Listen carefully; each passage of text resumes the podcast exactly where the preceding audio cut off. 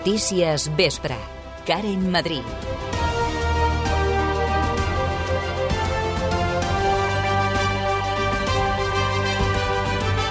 L'arribada de la fabricant de nanosatèl·lits Celestia Aerospace a Sabadell aportarà valor afegit també a l'aeroport. Així ho considera el vicepresident de l'Aeroclub, Daniel Ventura. Just l'endemà de l'anunci d'instal·lació de la companyia aeroespacial, Ventura preveu l'arribada de més empreses a l'entorn de l'aeroport tot el que sigui millorar infraestructures al voltant de l'aeroport també significarà que hi, ha, hi haurà més empreses que es fixaran en, aquest, eh, en aquests terrenys al voltant de l'aeroport per, per endegar la seva activitat, perquè recordem que eh, Sabadell té eh, un avantatge que és, primer, que està molt ben connectada i també que al estar dintre del nucli metropolità, doncs també, com a pol d'atracció de talent internacional, també és, eh, és, és molt atractiva. Tot plegat arriba quan, segons Ventura, l'aeroport comença a remuntar després de l'impacte de la pandèmia. Dimissions a Òmnium Sabadell per desavinences amb la Junta Nacional de l'entitat. El president Jordi Carbonell, així com la secretària i dues vocals, han decidit abandonar l'organització perquè consideren que en l'àmbit nacional s'estan allunyant de l'estratègia fixada per Muriel Casals. Ara la Junta local s'haurà de reorganitzar. I Sabadell es volca en la celebració del Carnaval aquest cap de setmana. Més de 1.400 persones participaran a la Rua de diumenge a la tarda. No obstant això, la celebració també arribarà a altres punts de la ciutat, com la Creu Alta, Torre Romeu i la Plana del Pintor.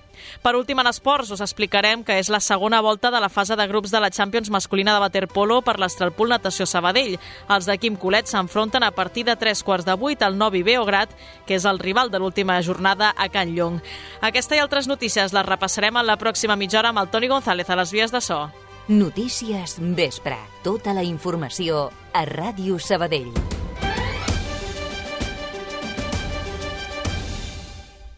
Els serveis. A aquesta hora, situació molt tranquil·la. La xarxa viària més propera a Sabadell només trobem retencions a la C-17 al seu pas per Terrassa, on hi ha dos quilòmetres i mig de cues per anar cap a Manresa. Ja a Barcelona, trànsit dens a la ronda litoral entre la Barceloneta i el Fòrum en sentit Besòs i a la ronda de dalt, aturades entre Diagonal i Sant Gervasi en sentit Meridiana. El temps.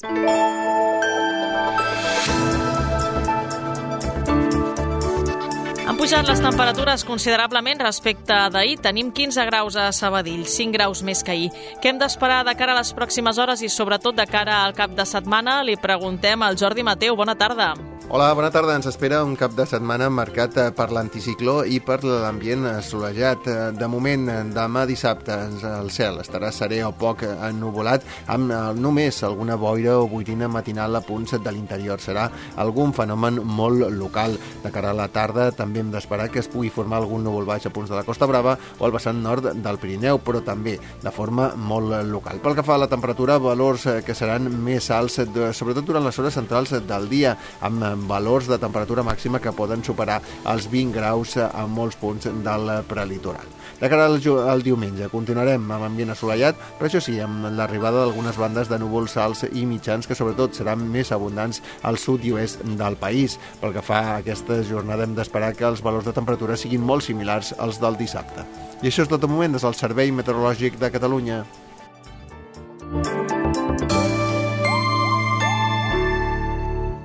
La instal·lació de Celestia Aerospace a Sabadell tindrà un efecte crida cap a altres companyies del sector que busquin nova seu.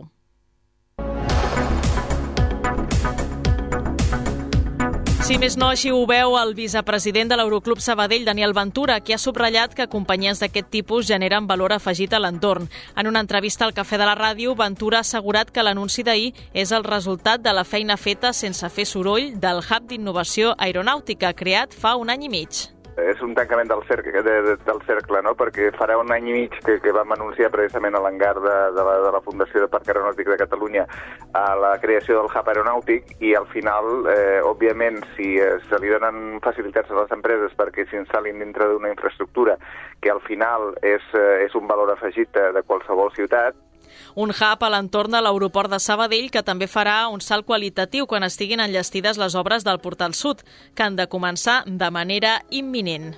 Així és, i és que el pare de la, del vicepresident de l'Aeroclub Sabadell millora aquestes infraestructures farà que més empreses s'hi vulguin instal·lar. A més, també implicarà dotar d'un accés propi al Museu Aeronàutic de Catalunya. Daniel Ventura, qui també és president de la Fundació Parc Aeronàutic, apunta en què consistirà exactament aquesta actuació. Eh, hi ha una part que, que depèn de, de, de l'Ajuntament, òbviament, que és tot el tema d'accessos, però també hi ha una part per part d'AENA que, eh, òbviament, significa una inversió molt important perquè significa blindar eh, la part eh, de seguretat, que ara mateix és tota, eh, tota, la, tota la zona nord és, és una zona de seguretat, desprotegir-la, per dir-ho així, i fer una altra, per dir-ho així, una altra eh, línia de valles o una, una altra línia de seguretat que eh, impedeixi, per dir-ho per dir així, l'accés a pistes. I això, òbviament, eh, requereix pues, una inversió eh, per part d'AENA. Per tant, eh, estem parlant, per les nostres informacions, al voltant de dos anys. D'altra banda, i preguntat per l'estat de salut de l'Aeroclub, Ventura ha assenyalat que ja s'han recuperat del sotrac de la pandèmia i ha insistit que la demanda de pilots no s'ha arribat a aturar mai. No ho hem notat tant com un es podria pensar, perquè precisament aquesta demanda eh, no ha parat de pujar i per què? Perquè és un mercat també molt global. És a dir, no, no només hem de pensar en el mercat local, sinó que nosaltres tenim estudiants que ens venen, fins i tot vam tancar un acord amb, amb Vietnam per formar pilots d'helicòpter. Per tant, eh, eh, la, la, la gent que, que, que, vol, que es vol formar com a pilot mm, mira a nivell internacional on és el millor lloc per treure's la llicència i, per sort, nosaltres tenim aquesta combinació. Una combinació que passa, segons el vicepresident de l'Aeroclub de Sabadell, per saber fer bé les coses i de tenir una meteorologia envejable.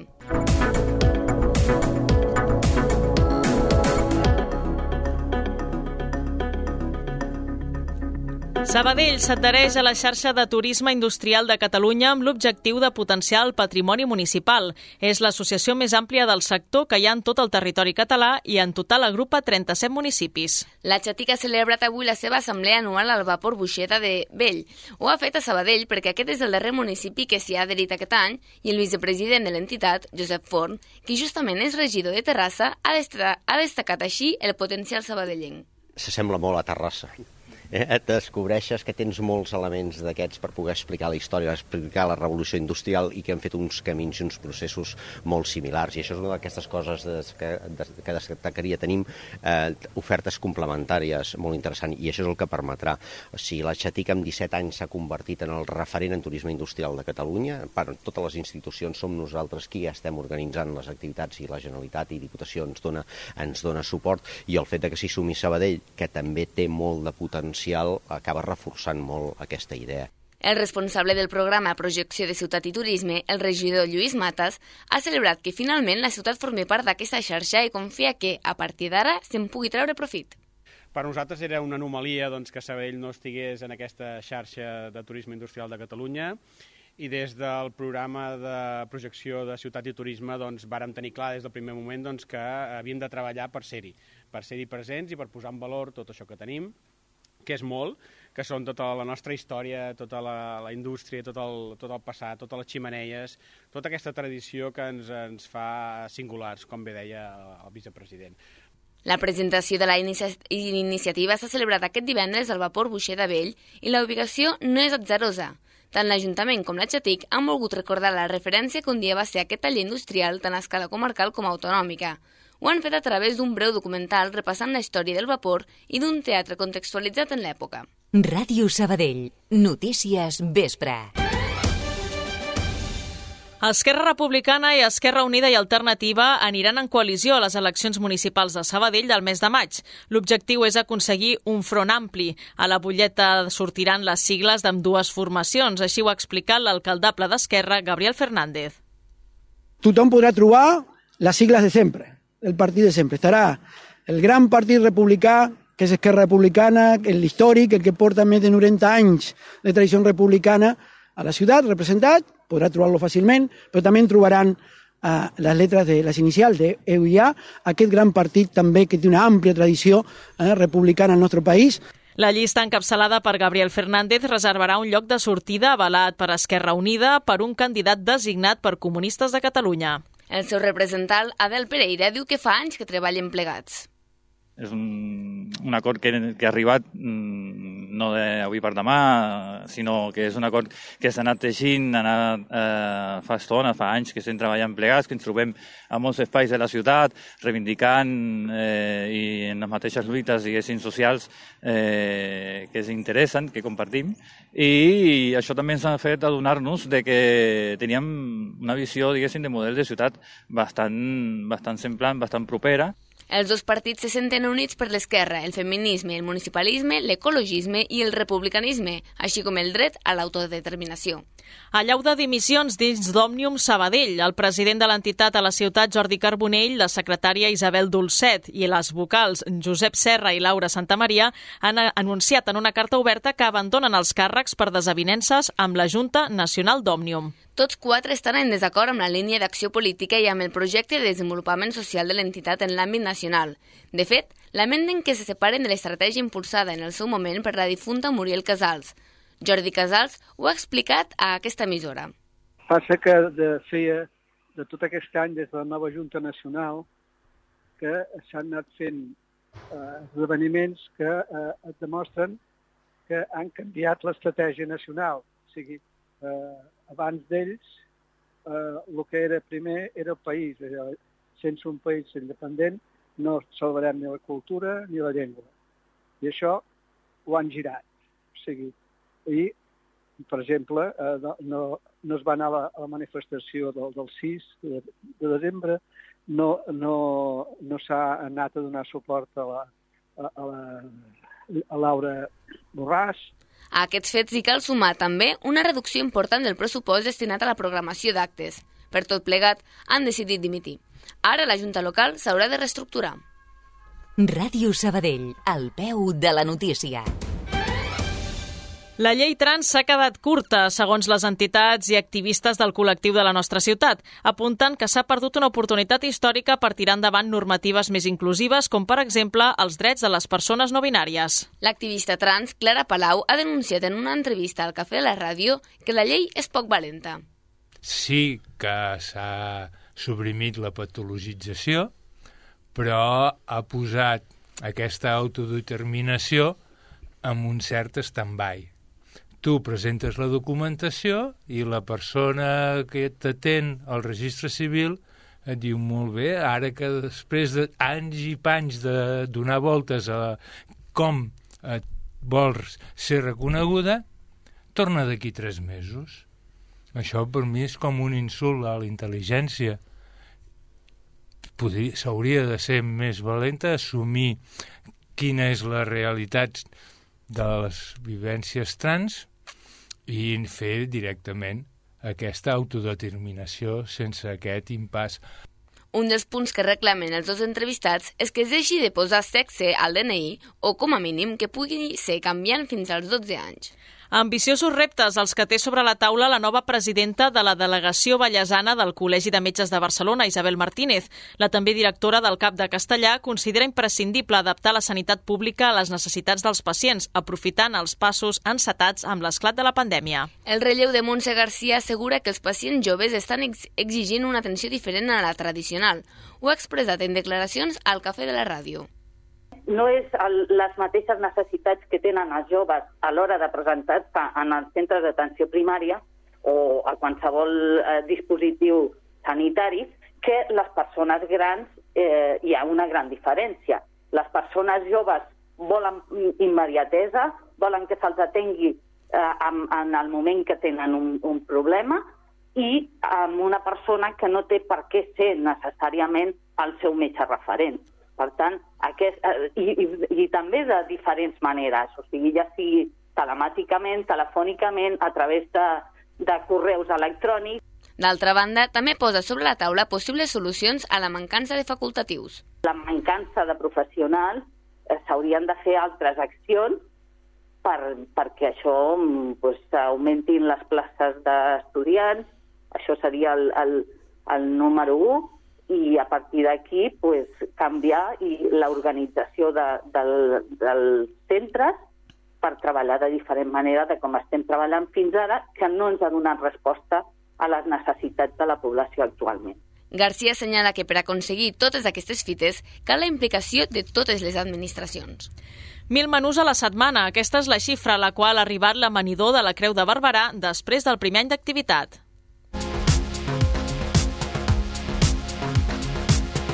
Una xifra satisfactòria per CIPO, l'entitat gestora, i que ara ja només podrà produir més a base de créixer amb noves instal·lacions. L'espai gastronòmic inclusiu necessita una nova cuina per poder assumir més producció a través de nous projectes, com explica Joan Madaula, president de CIPO. Ens voldríem fer una cuina allà mateix nostre, al nostre centre de dia, al casal, al carrer Himalaya, doncs clar, ara tinc un pressupost sobre la taula, ara ens comencem a moure a trobar subvencions, perquè evidentment una inversió en una cuina d'aquest a nivell industrial són molts diners, i voldríem poder fer aquesta, tenir aquesta opció complementària ja a la cuina que tenim avui del casal, perquè si no ja no podem créixer més en aquest sentit, no? Poder ens va bé estar un temps de, per consolidar el projecte i que tot vagi agafant ja més forma. 12 alumnes de l'Escola Especial Xaloc han passat per l'amanidor, quatre dels quals ja formen part de la plantilla. Ara volen estar preparats pels nous projectes que entraran i que significaran més comandes. Futurs impossibles, així s'anomena el taller que acollirà demà l'Estruc per defensar la transició cap a una societat més verda. La jornada anirà a càrrec de dues entitats ecologistes de Sabadell, la Regadora i el Taler Cooperatiu, i començarà a les 10 del matí. Què més en sabem, Júlia? El taller d'aquest dissabte, l'Estruc, és una de les activitats que impulsa la xarxa d'Economia Solidària de Catalunya arreu de Barcelona. El telecooperatiu i la regadora són les dues entitats que s'encarregaran d'incitar la reflexió al públic sabadellenc. Com ho faran? Doncs Futurs Impossibles es, es dividirà en dues parts. Una primera on es plantejaran dos escenaris de futur, Sabadell al 2040, i una segona on els participants hauran de proposar les estratègies a seguir. Elena Vallebó, membre de la regadora i del telecooperatiu, explica de què servirà tot això. Després eh, eh, de tots aquests tallers que s'han fet arreu del territori, uh -huh. s'està fent tot un treball de sistematització de propostes i d'estratègies que estan sortint per, a, quan ens dirigim cap al fòrum de la setmana que ve, sí? iniciar un camí comú de dir, aviam, què s'està veient pues, a, a través d'aquests eixos de, que nosaltres farem aquí al Vallès Occidental, sí? que farem de, això és dit, alimentació, energia, mobilitat i habitatge, eh, què s'està treballant de cada tema i que podem començar a impulsar o reforçar, perquè segur que hi ha moltes coses que ja s'estan fent, de fet. Per anar-hi cal la inscripció prèvia es pot fer des de la pàgina web del telecooperatiu o des de l'Instagram de la regadora.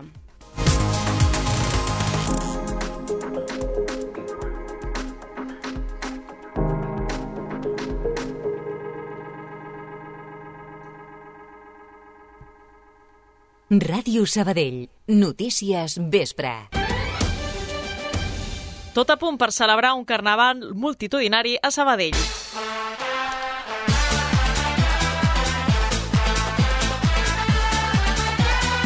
Més de 1.400 persones participaran diumenge a la Rua, que comptarà amb més de 20 carrosses i comparses. La festa, però, comença dissabte. La plaça Sant Roc acollirà dissabte les diferents activitats que començaran a les 5 de la tarda amb el concurs de disfresses infantils. Seguidament, el pregó del rei Carnestoltes i la catxarruta, la sopa sabadellenca. Diumenge, però, arriba el plat fort amb aquesta rua que començarà a Francesc Lairet i anirà cap al centre. Joan Carles Cosidor, president de Disbauxa, explica qui hi participarà. Hi ha 20 carrosses o comparses, sí. perquè són carrossa amb comparsa uh -huh. o comparsa. Va. Vale? Llavors, n'hi ha 20, uh -huh.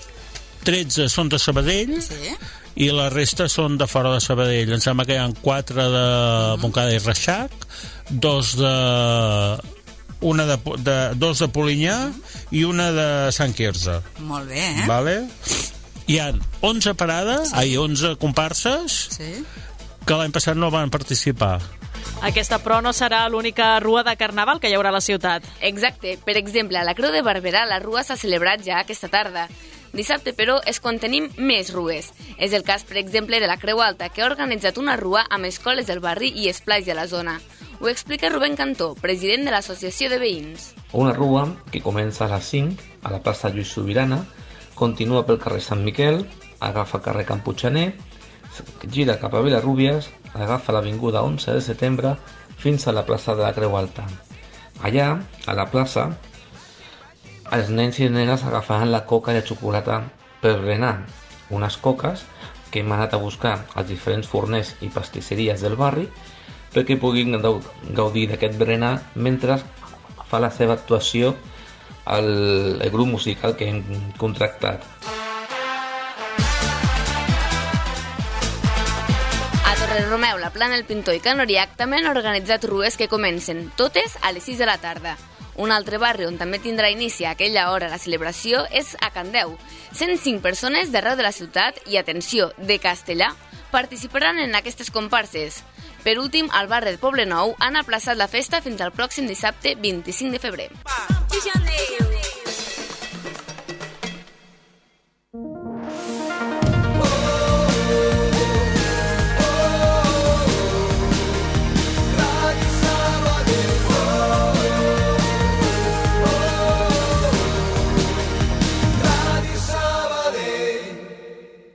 Agafa l'autobús. Viatja amb la TUS. Trajectes més ràpids i directes, més connexions entre barris, nous horaris per afavorir l'intercanvi entre línies. Estalvia temps. Estalvia diners. Agafa l'autobús. TUS, Transports Urbans de Sabadell. Ràdio Sabadell. Notícies vespre. Fora de Sabadell i la comarca. La Fiscalia demana 7 anys de presó i 36 d'inhabilitació per Josep Maria Jové i 6 anys de presó i 27 d'inhabilitació per Lluís Salvador per l'organització de l'1 d'octubre. Els acusa de desobediència, prevaricació, revelació de secrets i malversació agreujada pels preparatius del referèndum. El Ministeri Públic també demana un any d'inhabilitació per a la consellera de Cultura, Natàlia Garriga, per desobediència greu. I el Tribunal Superior de Justícia de Catalunya ha rebaixat diverses penes per agressions sexuals en l'aplicació de la llei del només sí és sí. Es tracta de sentències per casos registrats en sis municipis diferents. L'acusat de quatre agressions sexuals ha vist reduïda, reduïda la seva condemna de 15 anys de presó a 9. Un altre ha passat dels 5 als 4. Un tercer, al qual se li havien imposat 3 anys i mig de presó, podrà esquivar-la i només haurà de pagar una multa. Per últim, el processat a Barberà del Vallès, amb una pena de 7 anys i 7 mesos, es queda finalment amb 5 anys. Esports.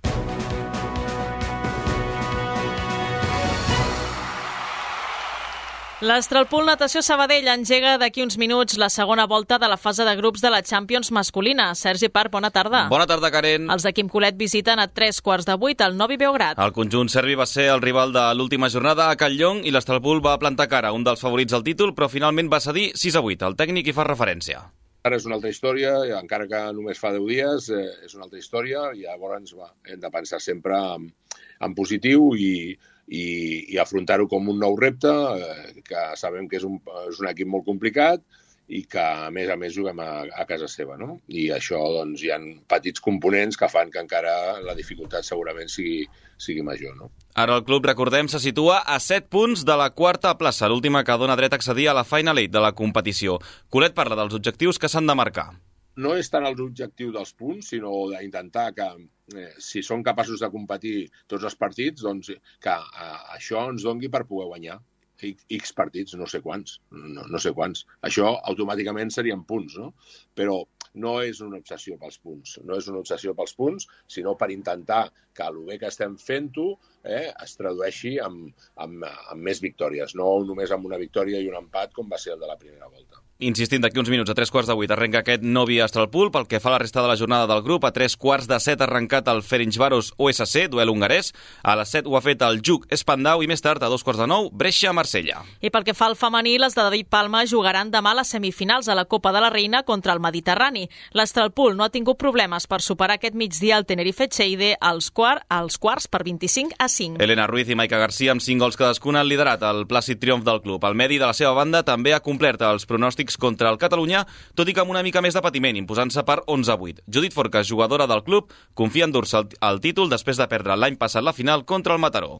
Nosaltres sempre anem a guanyar i, i clar, al final que, que treguin aquest títol pues, ens, va, ens va fer mal, però ara, el que et dic, tenim moltíssimes ganes de, de que comenci ja la Copa de la Reina i anirem a per totes i tant. Una Judit Forca, recordem que en les últimes hores ha estat guardonada com la millor waterpolista europea del 2022. Tornant a la Copa, el duel de semis de demà jugarà a dos quarts d'una del migdia i en cas de passar a la final, l'Astralpool la disputaria diumenge a les dues. La, la lògica diu que el Mataró, el vigent campió, seria l'oponent pel títol i les mataronines també ja són a les semis després de derrotar fa uns minuts al Sant Andreu.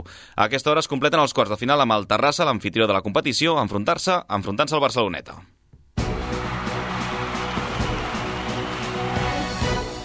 En futbol, el centre d'esports viatja demà cap a Elda per disputar el partit contra el líder del grup 2 de la primera federació, l'Eldense.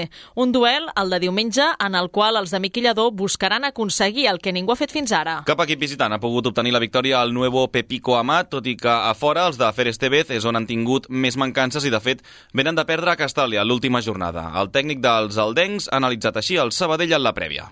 Me parece un buen equipo que creo que además eh, muestra un comportamiento similar fuera y dentro, eh, porque eh, es verdad que lo hemos visto fuera porque juegan fuera, pero también hemos visto los partidos en casa y es un equipo que es bastante regular. Entonces yo creo que un equipo que como seña de identidad creo que tiene que compite bien, eh, que tiene buenos jugadores y que bueno, a pesar de que, como tú comentas, eh, no, ellos vienen con alguna baja, eh, nosotros también la tenemos, mm, esperamos un equipo competitivo que nos ponga las cosas bastante difíciles. Recordem que el conjunt arlequinat serà en baixa Isma Tuman i Sergi Garcia per lesió i Pau Víctor per sanció. L'enfrontament arrencarà diumenge a les 6 de la tarda i es podrà seguir en directe al Sabadell en joc des de mitja hora abans. A tot això, el Centre d'Esports ha presentat els actes que es duran a terme durant tot l'any per commemorar el 120è aniversari de l'entitat. Entre d'altres esdeveniments, el club presentarà una nova web amb dades històriques, realitzarà un sopar al mes de juny a la nova Creu Alta o revelarà de forma especial les equipacions de la temporada que ve que lluiran el nou logotip creat especialment per l'ocasió.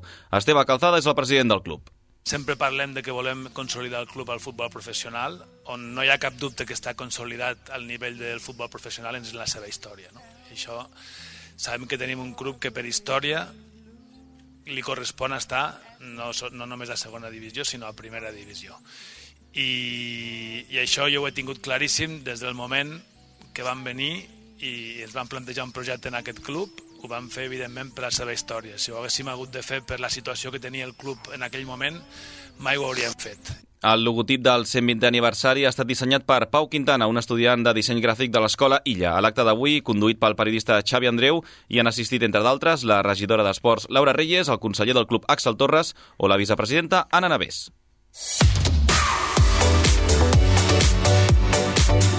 Més qüestions. El juvenil A del Centre d'Esport Sabadell juga demà a Olímpia davant el Constància en un enfrontament clau per allunyar-se de la zona de descens a Divisió d'Honor. L'equip arlequinat porta 4 dels últims 15 punts disputats i això fa que estigui immers en la lluita per la salvació. Tot i que la dinàmica no és bona, l'equip confia en capgirar la situació i el porter Oriol Ciurans demana tranquil·litat als seguidors. A dia d'avui el Constància és, és un rival directe i contra aquests rivals són, són on hem de treure punts i sí que és veritat que la gent podria pensar que estem en una mala dinàmica, però jo diria que, que no es preocupin. L'últim precedent entre els dos equips va acabar amb victòria pels Dedu San José a domicili per 0 gols a 2. A segona catalana, el Can Rull aguanta la victòria 1-0 contra el Ripollet i s'han dut 3 punts vitals en la lluita pel tercer lloc del subgrup. El duel Vallèsà va quedar ajornat fa uns dies a causa d'una picabaralla on quatre jugadors del Can Rull i tres del Ripollet van veure la targeta vermella. Ahir els arlequinats van defensar en els 20 minuts que restaven el resultat d'1-0 obtingut abans dels incidents. José García Numoski és el tècnic de l'equip. Tocó correr, sabíamos que eran 20 minutos, que son 20 minutos, parece que no, se, se hicieron un poco eternos.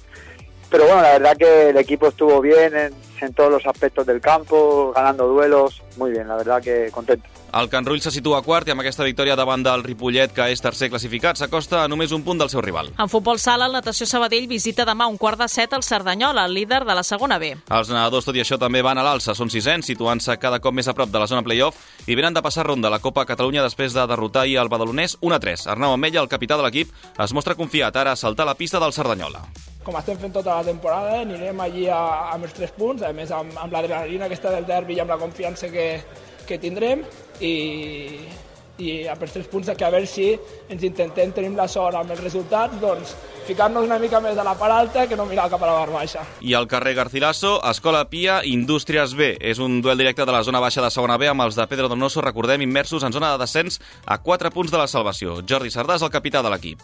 Al final cada partit eh, des d'avui és una final. A partir d'aquí a Indústria és una altra final, a casa amb la nostra gent i intentarem pues, salvar la categoria eh, només per, per aquesta gent que ens ve veure cada cap de setmana. Demà a les 6 començarà el partit. Gràcies, Sergi. Bona tarda. A tu, Karen.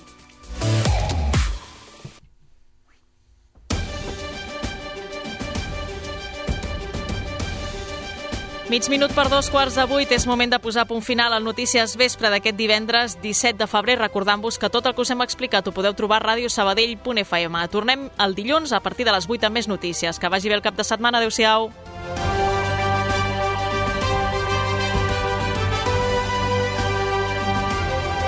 On siguis, escolta'ns online.